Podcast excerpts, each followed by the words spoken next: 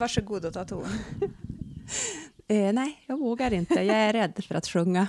Jaha, okej. Mm. Ja, vi ska väl inte gå så långt ut, utanför comfortzonen. Då. Nej, du ska känna dig bekväm här i Glädjepodden, det är det viktigaste. Trygg. Gör mig trygg, Sandra.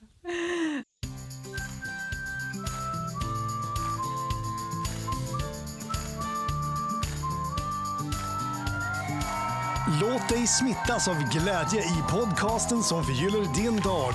Välkommen till Glädjepodden med Sandra och gäster. Jag ska inleda det här avsnittet på det absolut bästa sättet som jag kan komma på med ett av mina favoritcitat. Och jag tycker det passar väldigt bra in på den personen som du ska få träffa idag. Och det kommer från en kvinna som hette Maya Angelou och det går ungefär så här. Människor kanske inte kommer ihåg vad du säger eller vad du gör, men de kommer alltid ihåg hur du fick dem att känna. Och i det här avsnittet så ska du få möta en person som är så ödmjuk och icke-dömande att nu, jag ska inte tala för alla, men jag känner i alla fall att när jag har mött henne så är det som att jag tycker bättre om mig själv. Och det är så fantastiskt för att jag kan också känna att även om vi har haft samtal som har gjort att sidor i mig som jag inte ens vill veta om att jag har, har kommit fram, så kan jag ändå känna att jag tycker bättre om mig själv. Och det är just för att hon har den här äh, icke-dömande förmågan som är väldigt unik. Men hon är också väldigt mänsklig och båda fötterna på jorden. Det är vägledaren, coachen, meditationsledaren, pilgrimsvandraren, men också min vän och själsfrände Annika Olofsson som du ska få träffa. I det här avsnittet så kommer hon ge den kortaste och den kraftfullaste förklaringen av vad egot är som jag någonsin har hört. Och eh, hon kommer också prata om energin som kommer av att vara tacksam för det lilla. Det här avsnittet presenteras av ICA Nordmaling som är veckans glädjespridare på tal om tacksamhet. De hjälper till och stöttar arrangemangen Årets gladaste företagare som vi kör både i Umeå och i Stockholm i år genom den här podden. För det funkar nämligen så att förutom att gå in som samarbetspartners i de här arrangemangen så lyfter vi i år också företag som gör bra saker genom Glädjepodden. Och ICA Nordmaling, de har i flera år hjälpt till att bidra till att förgylla livet för barn som har cancer. Så jättestort tack till er och för att ni bidrar till mer glädje i samhället. Nu ska vi se om vi kan bidra till mer glädje i livet för dig som lyssnar. I alla fall kan vi kanske förgylla din dag lite grann. Ja, nej men känn dig välkommen Annika, vad roligt att du är här i Glädjepodden. Ja, men tack för att jag får komma hit. Ja, men Det det, är en ära. det är en stor ära för mig, för du är ju en av de klokaste och kanske till och med den klokaste personen som jag någonsin har träffat. Ja, du har inte träffat så många personer i coronatiden. Det har jag redan nu. Och så, så ödmjuk också, det hör man ju bara på ditt svar där. Jag gör så gott jag kan i min, i min klokskap. Ja, men det gör vi alla. Det kanske är för att jag inte är riktigt klok som jag ibland blir riktigt klok. Jag tror det kan höra ihop, motsatserna där. Ja, jag tror att det är eh, din ödmjukhet där återigen. Jaha. Mm. Det är det som är din stora styrka. Vi får höra mer om den om en stund, men först så tänkte jag att jag ska kolla läget med dig. Mm. Vi, du vet ju hur man kollar läget i den här podden, inte så här hur mår du Annika, utan idag tänkte jag om du var en filmkaraktär utifrån den känslan du är i just nu, vilken filmkaraktär skulle du vara då? Ja, men det vet ju jag nu. Okej, låt höra. Jag vet ju att jag, eller att jag är tiger idag. Du är tiger idag, i Nalle Puh alltså? Ja. ja. Alltså jag älskar tiger. Men du är tiger idag, alltså då tänker jag att då är du energisk. Ja, jag är ju så fantastiskt överlycklig över att jag kan springa 500 meter i sträck. Ja, men grattis. Ja, tack. Jag tackar, tackar. Eh, det är ju så att jag har haft en liten, inte något jätteallvarlig, men gjort illa med ryggen. Och nu är jag tillräckligt stark för att springa lite grann och det ger mig energi. Så att jag har studsat hit idag. inte på svansen dock, men... Jag tänker att eh, vad härligt att få känna den ändå. Nu menar jag inte att det är härligt att vara, sjuk eller så, men den tacksamheten som du känner nu. Ja, för jag har fått lära mig att ta ett steg i taget. Och det är vi ganska dåliga, tror jag, på rent, alltså rent allmänt. Ja, jag pratade om det lite tidigare, så här, small step, big goals. Vill du förklara det? Ja, men att liksom ta de här små, små stegen varenda dag för att nå de stora målen. Det är egentligen så enkelt. Ja. För att bli mer medveten och tacksam människa så måste man liksom vara mera närvarande i nuet. Mm. Och så vill man helst ha det där stora målet Ja. på en gång. Mm. Så då tar man inte de där tacksamma stegen heller. Nej. Men Annika, vi känner ju varandra ändå ganska väl. Ja, Ja. Vi har, vi har känt varandra precis ett år nu. just det. Ja, eller egentligen mer. Men vi, som vi har känt varandra väl, det är ju typ ett år. Ja, det var ju när jag sprang på dig på Avion där. Ja, Och efter det så började vi umgås. jag bjöd in dig till finalen av Umeås gladaste företagare det året och så kom du och sen efteråt så du bara, ah, men ska vi ses någon gång? Och så, så sågs vi och så bara, ja ah, men vi ska jobba tillsammans och vi började prata om det här med kärlek och för glädje och kärlek, det är liksom same same typ sådär. Alltså vi har ju mycket, ja, samma visioner. Ja, och så var det så roligt att man så snabbt kände att vi blev som, men kanske lite trevande i början, men ändå att vi kände så här, oj, vi är liksom själsfränder på något sätt. Så Ja. att våra själar, de hajade att vi nog skulle vara med varandra mer. Ja, men vi hade ju träffats, eh, vad var det? Det var ju ungefär ett halvår innan, för att innan jag började med Umeås gladaste företagare så höll jag ju på med Umeås glädjespridare. Och då blev ju Ja. du nominerad som det. Och så gjorde jag en intervju med dig i min YouTube-kanal. Och eh, sen så, men då hade vi som inte någon, alltså, då, och så sen efter det sprang vi på varandra på Avion. Det var så Eh, det var. Så, ja, så vi, vi träffades genom att din vän nominerade dig som Umeås glädjespridare och du var ju, passar ju väldigt bra som det. Jo, det, var, det tyckte ju du och min vän, och det är jag väldigt glad för, men inte min son. Inte Hilmer. Nej, för han var så fin. Han bara, mamma, för de var ju på den där äh, prisutdelningen. Så Ja. sa han, mamma, jag tror ändå att du är kanske gladare när det är med andra och inte lika glad hemma. och han har ju helt rätt. Ja, så var han helt allvarlig också när han sa Ja, det. han var liksom lite eftertänksam där. Ja. Mm. Men jag tänker på det här med kärlek, för du hade ju Push Love Forward tidigare, ett projekt som du höll på med. Ja. Berätta kort vad det var för någonting. Jag tycker det är så fint. Ja, men det, det är väl så som jag vill leva och inte bara som en projektidé. Men det blev en, en, ett som projekt. Att jag tryckte upp de här väskorna. Alltså, vad heter det? Totembags? Vad heter det? Oj. Tygväskor, Ja. säger vi helt enkelt. Ja, Med tryck. behöver inte krångla till Nej, det mer nej eh, och som det stod tryckt då, push love forward, skicka kärlek vidare. Mm. Eh, så kunde man beställa de här väskorna på nätet och skicka dem anonymt till någon. Eh, och då var ju själva idén att få den här glädjen att någon har tänkt på mig och jag vet inte vem det är. Och vad händer då en människa när man liksom får en liten överraskning? Det är så fint, för att det här med att man, man blir ju glad av att göra andra glada, men, men när man gör någon glad utan att den personen vet om det, att man inte behöver skylta med det, att det inte är något ego involverat, då är det ju liksom, då är det en helt annan nivå av glädje. Ja, alltså det var väl det jag ville åt, att oftast så är det så här att oh vad jag är snäll som ger det här, att man vill ha någonting tillbaka av det. Ja. Det här var bara ett givande eh, utan att få någonting tillbaka. Men det får man ju ändå, alltså per automatik, Ja, när du ja. ger, även om det är ett leende eller whatever, så, så ger ju universum dig liksom tiotusenfalt tillbaka. Eh, Och när vi människor börjar förstå det så borde vi bara gå omkring och ge glädje och kärlek till höger och vänster. För att oj, oj, oj, det bara regnar tillbaka Ja. energi på en. ja. Men eh, ja, det var jättekul. Jag gjorde det tillsammans med Frida Hammar och eh, ja, det var väldigt lärorikt också.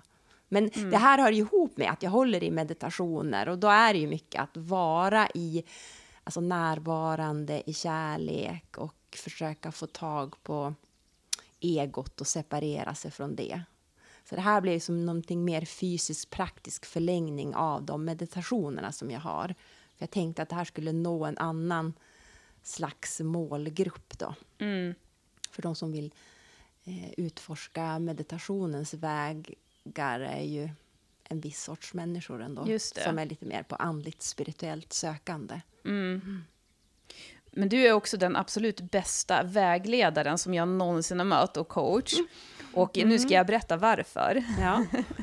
Låt höra. Men det är för att du har ju så lite ego i när du vägleder människor och det låter kanske så här självklart att man inte har så mycket för att det handlar mer om den andra personen. Men det är ju inte självklart, för många går ju kurser och de utbildar sig och så ska de följa en viss manual och det ska vara mycket, det. man går liksom efter deras. Men du, för dig är det inte eh, alls viktigt vad person, alltså för dig är det viktigt att du bemöter personen där den är, inte att du ska komma och visa upp att du kan någon viss teknik eller någonting sånt och du är så bra på att möta människor där de är. Och sen har du den här förmågan också att få en att känna sig när man har varit i kontakt med dig. För att jag som vän har ju varit... Du, du har ju hjälpt mig med, med många saker. Och då är det som att jag känner mig, till skillnad mot vad jag har känt med många andra, så känner jag mig stärkt i mig själv och jag känner att jag... eh, Jag vet inte hur jag ska uttrycka mig.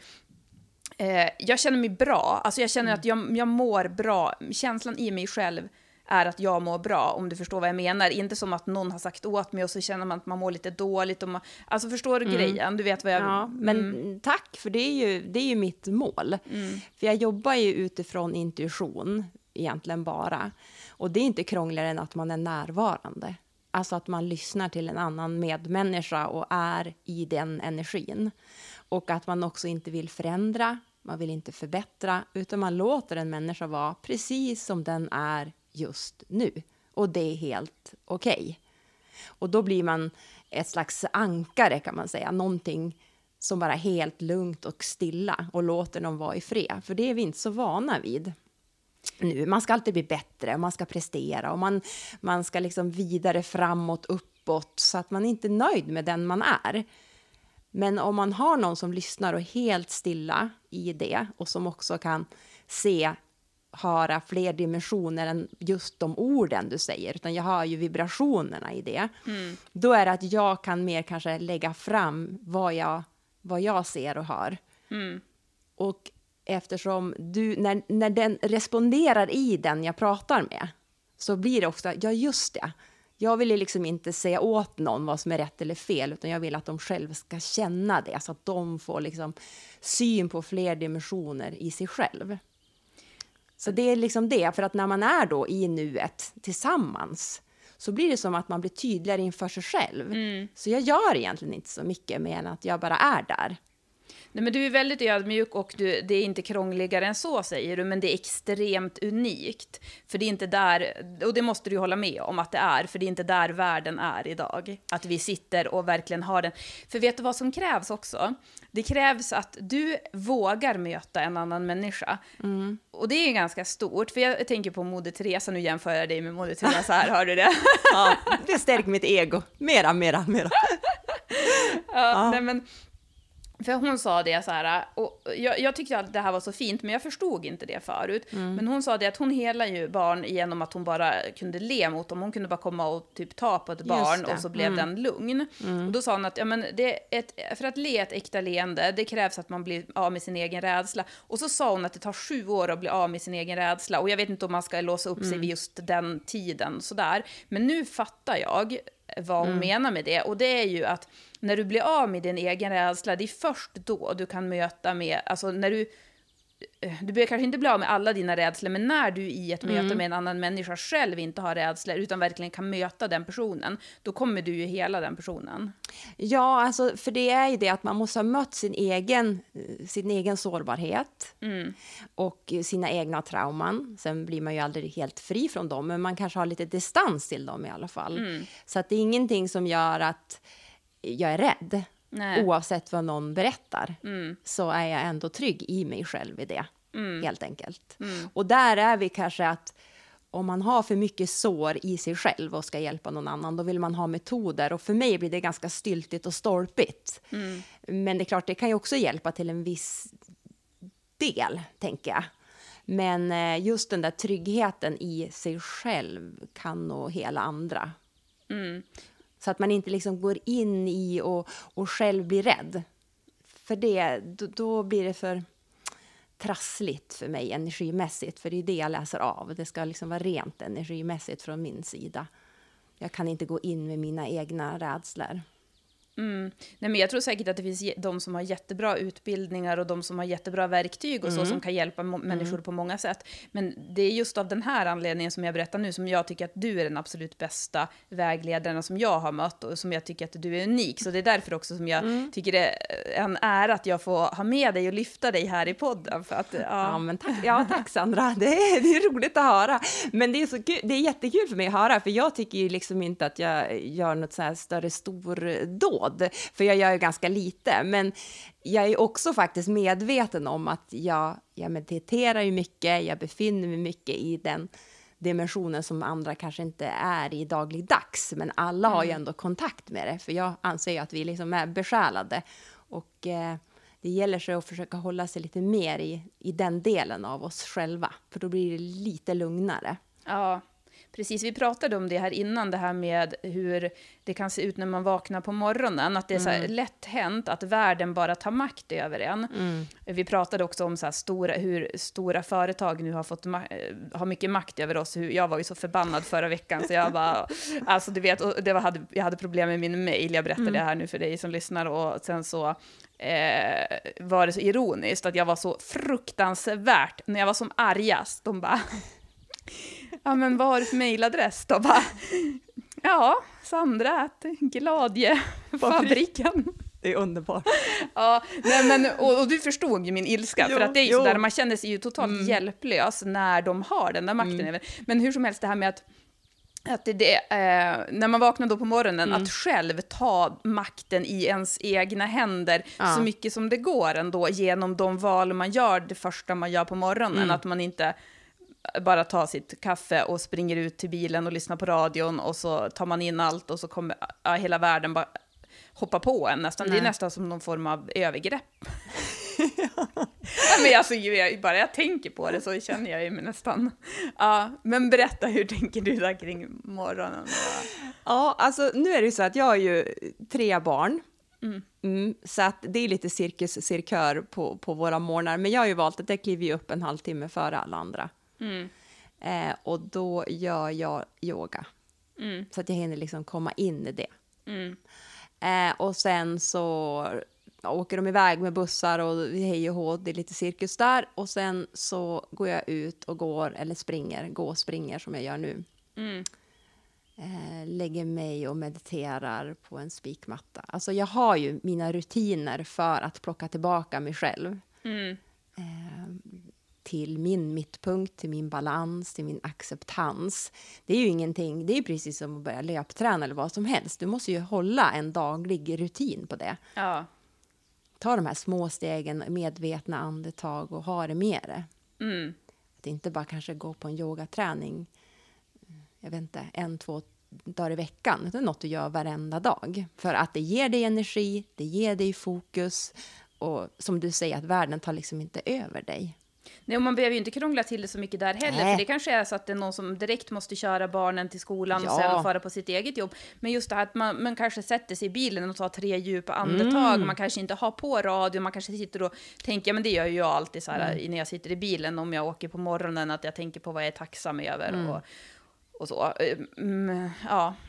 Ja, men att just, det finns sådana små saker bara man kan. Ja, men alltså tax, just tacksamhetens kraft och energi, eh, bara det, att vakna på morgonen, kanske ligga kvar i sängen mm. och så, ta fem djupa andetag och komma på tre saker som du är tacksam över.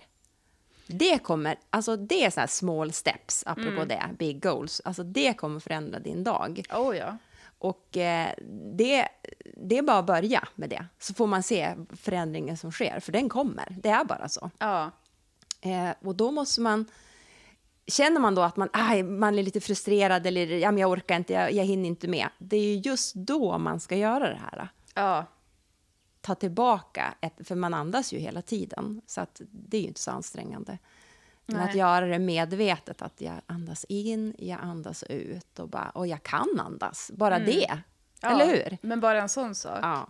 För att eftersom, det här pratade vi om tidigare, vi bor i ett land där vi, de allra flesta, jag ska inte säga alla, men att vi är mätta, vi är varma, förstår du? Trots coronan så har vi det faktiskt relativt bra, eller hur? Ja. Det finns väldigt mycket att vara tacksam över. Ja. Men på något sätt så glömmer vi bort, lätt bort det. Jag också. Ja. Absolut. Man vill ha mer och större och lite sådär. För då blir det bättre på något sätt. Att man vill bort från sig själv och från det som verkligen är här och nu. Jag har det som nu som min februariutmaning, att jag ska köra så här kroppsskanning varje dag. Och jag gjorde det nu, idag när vi spelar in så är det första februari, så jag gjorde det i morse.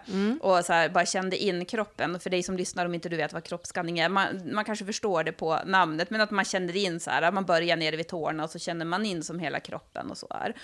Och då kände jag att jag blev så tacksam av det här, för det, nu är jag ju en snabb person och så där i övrigt och behöver ju tänka ofta på det här med att jorda mig och ibland ta det lite mer långsamt. Men det gick så snabbt för att det var ingenting, det fanns som inga motstånd i min kropp överhuvudtaget.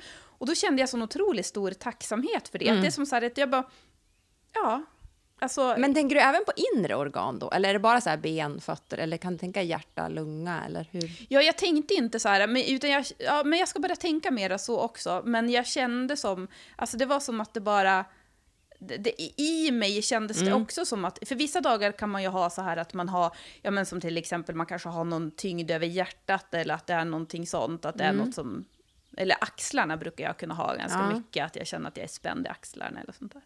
Men idag var det ingenting. Fjäderlätt. Ja, fantastisk tacksamhet. Mm. Men egot, Annika, det är en sån här grej som man pratar om, ego hit och ego dit. Och så Ja. tänker man det så här, ja men uppblåsta. Men hur definierar vi egot egentligen? Ja, vilka små frågor du ställer till mig. Men jag, jag ska... Jag tänk, alltså att... Eh, Om man ska eg- göra det på det enklaste sättet som verkligen går. Nu Ja. ger jag det en stor utmaning här, för jag vet själv hur svårt det är. Men Ja, men det är ju att egot är ju frånvaro av kärlek. Punkt. Det tror jag är det enklaste. För egot är rädsla och när man är rädd så växer egot. Det är som att man försöker skydda sig själv hela tiden. Och sin sårbarhet, att inte räcka till och så, att inte vara älskad helt enkelt. För är man trygg och man känner att ja, men ja, visst, jag är totalt ofullkomlig. Men jag älskar den ändå. Jag gör så gott jag kan. Det gör ingenting om jag gör fel. Ja, men då är man trygg. Man har liksom ingenting att skydda och ingenting att liksom, eh, försvara. Utan jag är som jag är och det här är jag rädd för och det här tycker jag är kul och det här är jag bra på och det här är jag jättedålig på. Alltså att du vet, man har någon slags härlig distans till sig själv. Det är inte hela världen. Ehm, men just nu så kan man ju nästan säga att egot har premierats som en någon slags eh, eh, styrka och kraft. egoboosten. Ja, men me, myself and I och vad man kan och att det är som någon slags eh, någonting positivt. Men du sa ju någonting väldigt intressant förut, att det är mycket så här fokus på själv nu. Alltså det är böcker som handlar om självrespekt och själv... Ja, alltså det, det är mycket liksom... Självledarskap och själv... Ja, och medans... Jag tänker just det här som... Hur kan jag hjälpa till? Som vi, Alltså den tanken kanske behöver få lite mera fokus. Ja, ganska mycket mera fokus, skulle jag vilja säga. Ja, men alltså om man är trygg i sig själv, eh, då tror jag att det kommer per automatik. Hur kan jag hjälpa till? Mm, jag tror också det. Alltså jag tror att det är verkligen uh, hör bara ihop. För det här är med, som Dan Hasson, som är en som jag intervjuade tidigare i den här podden, Ja. pratade om att när självkänslan har ökat så har narcissismen också ökat. Just det. Och jag förstår det, för att det är det här, men du vet, du ska boosta din självkänsla och la la la. Men när man är, alltså jag ser att det är skillnad mellan självkänsla och självkärlek. För är du i självkärlek, då är du i kärlek. Alltså, ja men du är i kärlek. Och då bryr du dig om dig själv självklart, för du har din självrespekt och allting, men du bryr dig lika mycket om andra människor och du behöver inte försöka få saker och ting att det ska bli till din vinning och eh, ha det fokuset, utan att Nej. du bryr dig om. Vad hur skulle du eh, säga om alltså, skillnaden på självkänsla eh, på det sättet eller självkärlek? Förstår du vad jag menar? Ja, jo, jag, jag tror att jag förstår vad du menar. Men att när man är i självkärlek, då är det ju att du, att du har förenats med dig själv och din omgivning. Alltså nu går jag in lite grann så här, hur jag förklarar när vi mediterar. Mm. Då ska du uppleva någonting som är större än dig själv. Mm. Alltså du går bortom en, eh, någonting som intellektet kan förstå. Det, där kommer du till äkta kärlek. Mm. Någonting som du blir liksom, känner dig fulfilled av, att du bara upplever ett lyckorus. Många kan ju känna det här kanske när de är förälskade, får ett barn, alltså någonting, eller en naturupplevelse. Mm. Det är större än mig själv. Ja. Så att egot får inte riktigt plats i det där. Eller hur? För mm. förälskad har ju de flesta varit någon gång. Mm. Eh, och när man får den kärleken i sig så blir jaget ganska oviktig. Och jag kan identifiera mig med alla människor. Alltså med de som är svaga och rädda. Jag ser att jag har det i mig, men jag, min kärlek är större än det. Ja. Eh, och då tänker jag att då har man så mycket att ge hela tiden av sig själv. Men när man ska mm. hålla på då med det här egoboosta och mm. sig själv och så, och den typen av självkänsla, för nu menar mm. inte jag heller att det är något fel på självkänsla, men det är där jag förstår att också kopplingen till att narcissismen ökar. Ja. Vad säger, tänker du kring det? Ja, men jag tänker lika att man har blandat ihop de där begreppen lite grann. Att eh, det blir så mycket me, myself and I i det där. Mm. Eh, och då, då kommer narcissismen och egot in i bilden. Vi kan inte separera det där. Nej. Och det är därför att vi vill förstå allting numera. Vi vill kritisera och vi, vi ska... Eh, ja, men kärlek, alltså om man säger så här, äkta kärlek är bortom intellektet. Det är det enda jag kan förklara det med. Mm. Det är därför jag håller på med meditationer eller eller skogsvandringar och sådär. För att människor ska slippa sig själv för en stund. Det är ju väldigt, väldigt skönt. Vi är ju, jag inkluderar mig själv, vi är ju väldigt självupptagna. Mm. Och det gör oss olyckliga. Mm. Ja, absolut. Ja. Jag, jag, kan inte låta bli nu, men jag mm. tänker på, på Nalle Puh. Mm. Och så, när Nasse säger så här, hur stavas kärlek? Och så han bara, men man stavar inte till kärlek, man känner det. Ja. Det är som det du säger nu. Ja, man känner man det. Känner det. Mm. Exakt exakt. Och du har ju en annan jättefin som är Nalle referens om är det kanin som vill bara bli mer av sig själv? Alltså, nej men kanin är ju lite, han har ju fått lite så här psykbryt på alla där i Nalle ja. Och så sen så ska han ju dra därifrån. Mm. Och då ska de ju försöka stoppa kanin och då tänker de att, ja men oj, men om vi gör om oss, alltså alla ska göra om sig så att de inte är som sig själva, då kanske kanin stannar. Så att då blir mm. det som att ja men Tiger ligger ju under bordet och är rädd och Nasse hoppar på svansen och ja men de blir ju, eh, Ior är glad och Nalle Puh är ledsen och ja, så vidare. Ja. Och då blir ju kanin bara ännu mer förbannad typ mm. och så ska dra och sådär. Och sen hamnar kanin uppe i ett träd nu blir det värsta utdragningen här, de, den här historien, alltså I love it. Eh, kanin hamnar upp i ett träd och behöver hjälp och Nasse vågar trots allt, trots att det är nu han som hoppar upp på svansen, så vågar inte han hoppa upp och rädda. Så då får ju Tiger liksom gå emot sin då, han är ju rädd då eftersom att han är nasse, men han får lov att göra mm. det i alla fall då, hoppa upp och eh, rädda kanin. Och så sen så då sa, fråga kanin, men vad är det ni håller på med egentligen? Så här. Och så sen så sa eh, Nalle Puh då att, mm. eh, ja men vi har gjort, vi tänkte att du skulle vilja vara kvar om eh, ja, om vi skulle ändra på oss. Och så sa kanin, ja men det är ju jag som ska ändra på mig i så fall. Och då sa Nalle Puh, för nu kommer vi till den ja. grejen, då sa Nalle Puh att ja men om du inte är du, då kommer jag bli mindre jag. Ja. Men när du är du så blir jag mer jag. Och det är det vänner är till för. Att man ska ja. kunna... Och det, det tänker jag så här att, tänk om vi kunde leva i ett sånt samhälle. Ja. Sju mila skogen. Ja. Du ser ju bara lösningen, den är briljant. Att om jag får vara mer mig så kan du vara mer dig och så vice versa. Alltså, ja. Så enkelt är ju lösningen, att vi bara får låta, vi får vara som vi är, vi är helt okej. Okay. Mm. Och bara låta varandra vara lite grann i fred. Mm. Och att, att inte någon ska anpassa sig efter mig, för då, då mår jag bra. Mm. För det blir ett fängelse, det blir ju så för mm. alla. Och medberoende är ett sånt där modernt ord som man använder sig av. Bli medberoende för folk för att de ska må bra hela tiden och så ska man förminska sig själv. Men det är ju det där, vi skulle kunna prata hur länge som helst om det där, men det är ju där det är lätt också att man tappar bort sig själv, och särskilt som vi pratar om här nu, att man kommer in i dagen och så helt plötsligt är det som att man blir typ överfallen av allting som är runt omkring en, för att man vet inte riktigt var man har sig själv någonstans. Nej.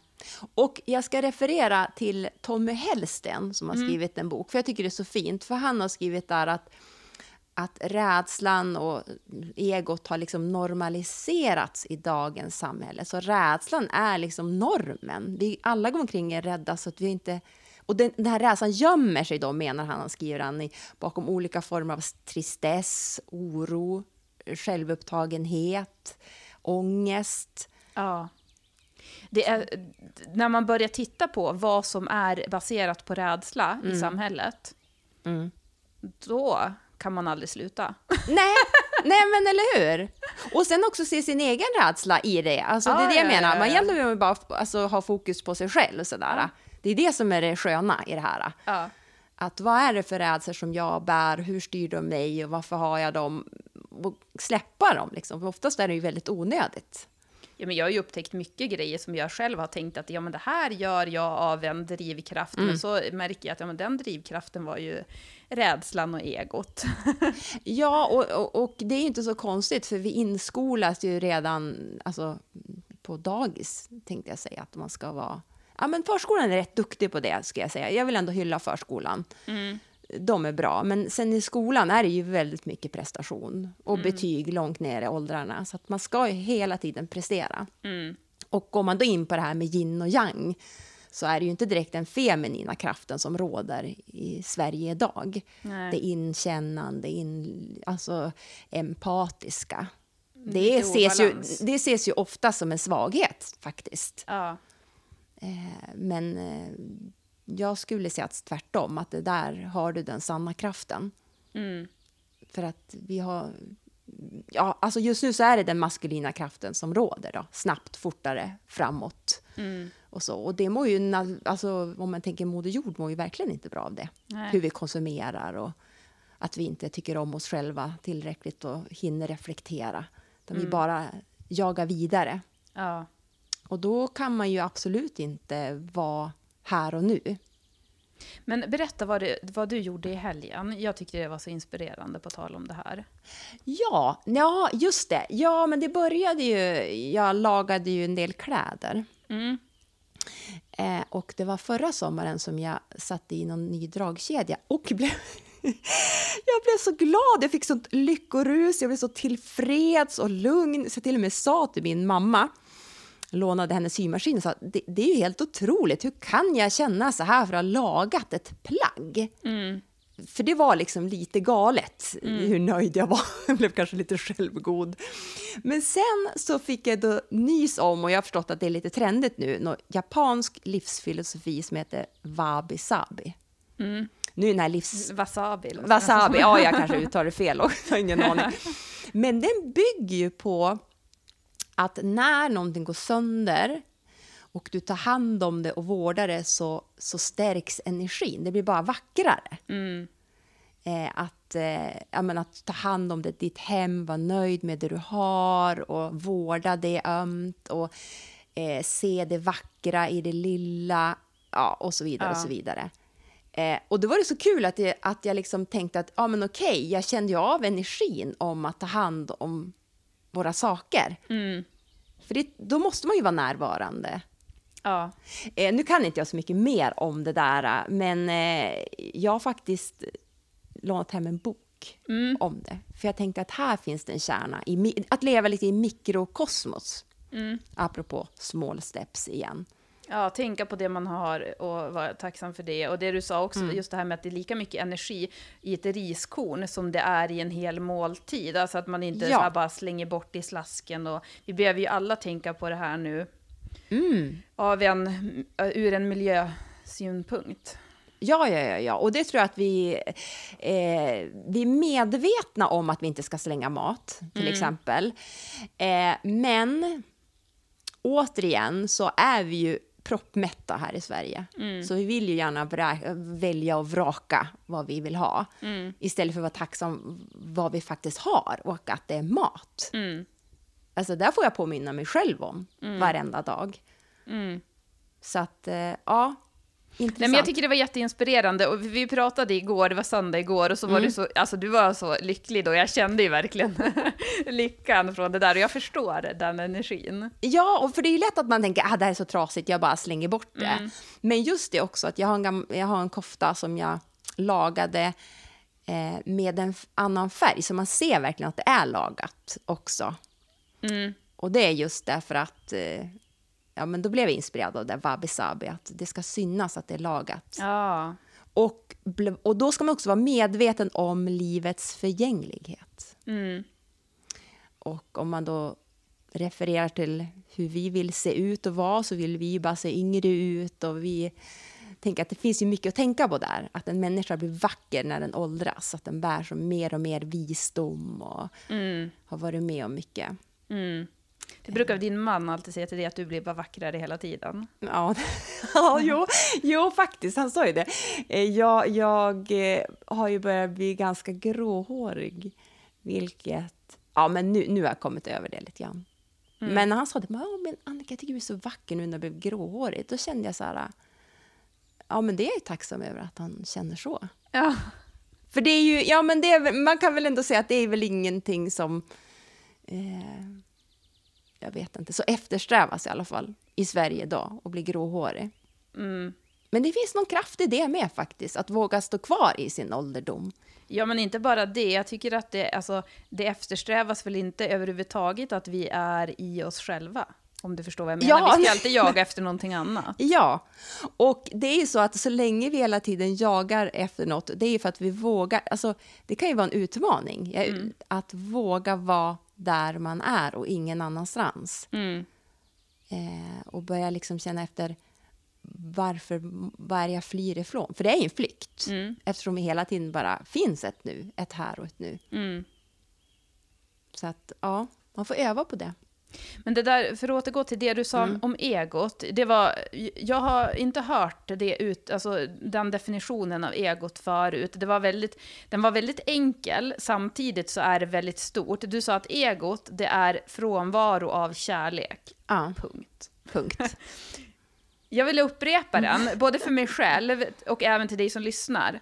Ego är frånvaron av kärlek. Mm. Så enkelt är det. Där har vi någonting att tänka på. Ja, S- Vet du vad, Annika? Jag skulle vilja prata mer med dig om det här med kärlek, men jag tänker att vi ska ta ett separat avsnitt gällande det. Bena ut lite kärleksklyschor. är Åh, du på det? Ja, ja, ja, jag älskar kärleksklyschor. Ja, jag men- vet att du också gör det. Ja, men jag, och jag älskar kärlek och jag älskar att prata om det med dig. Och så. så att jag tänker, men det här var så intressant. Vi, ska ha, vi brukar alltid ha lite avslutningsfrågor och så sen så har vi en fråga även från den förra gästen i den här podden. Och det var Peter som undrar, eh, nu ska vi se här. Vilket är ditt bästa sätt att hålla glädjenivån uppe nu när coronapandemin kräver mycket av energin och glädjen? Alltså det jag spontant kom på, faktiskt, det är att jag, jag umgås mycket med min man och det är nog humor. Mm. Alltså självdistans och humor. Ni har roligt tillsammans. Ja. ja. Det, för det, ja, det är mitt svar på det. Mm. Och det är sånt där som man får påminna sig om. Det kanske är lite extra utmanande att göra det nu under den här tiden. Att eh, påminna sig om humor.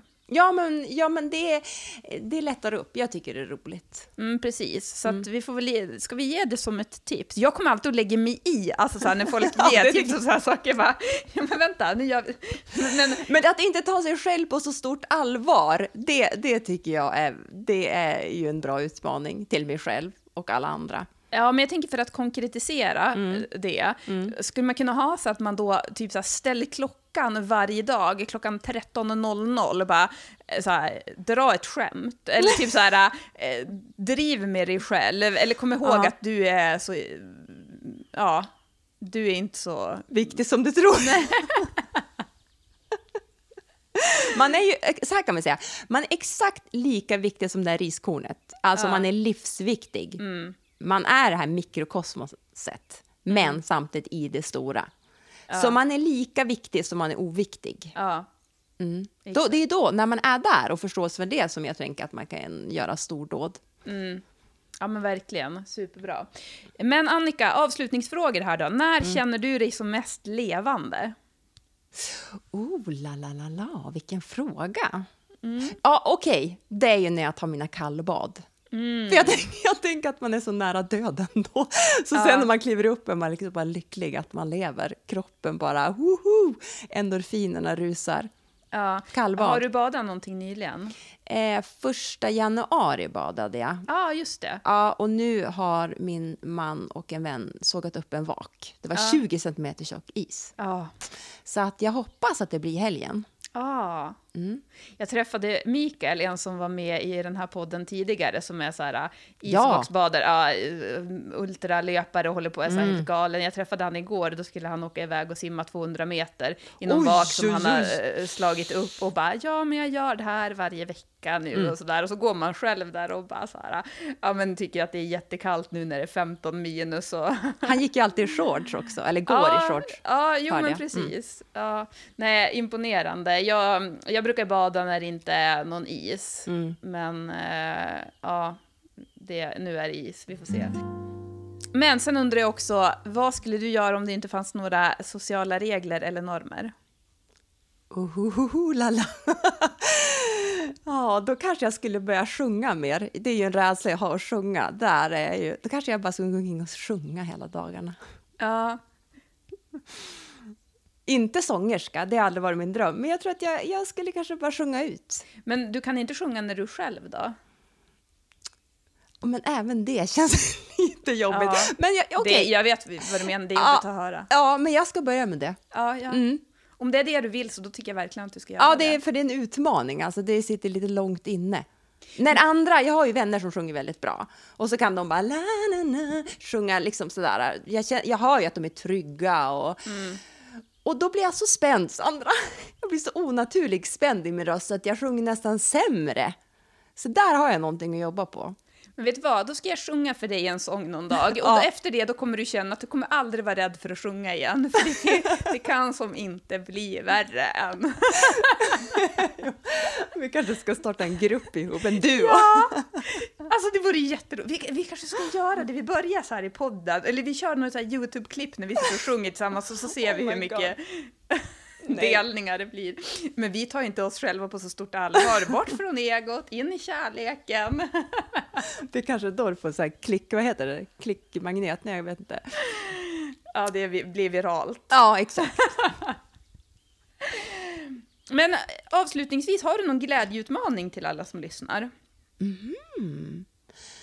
Eh, glädjeutmaning. Det Alltså, skulle kunna vara att man ställer klockan 13.00 varje dag och påminner sig själv om att, man är lika viktig som man är oviktig. ja, eller bara säg något kul nu till dig själv eller någon annan, för att nu behövs det lite happiness. Ja, ja, ja jag köper det rakt av. är det det som är utmaningen? Ja. 13.00 varje dag, en veckas tid nu. Mm. Då har vi den utmaningen. ja, jag måste ha något alarm, annars kommer jag glömma det. Men absolut. Ja. Mm. Ja, men du Annika, då är du välkommen åter så kör vi kärlek. Har du någonting du vill tillägga innan vi säger tack och hej? Absolut ingenting. Tack så hemskt mycket för att komma. Tack så jättemycket till dig som lyssnar.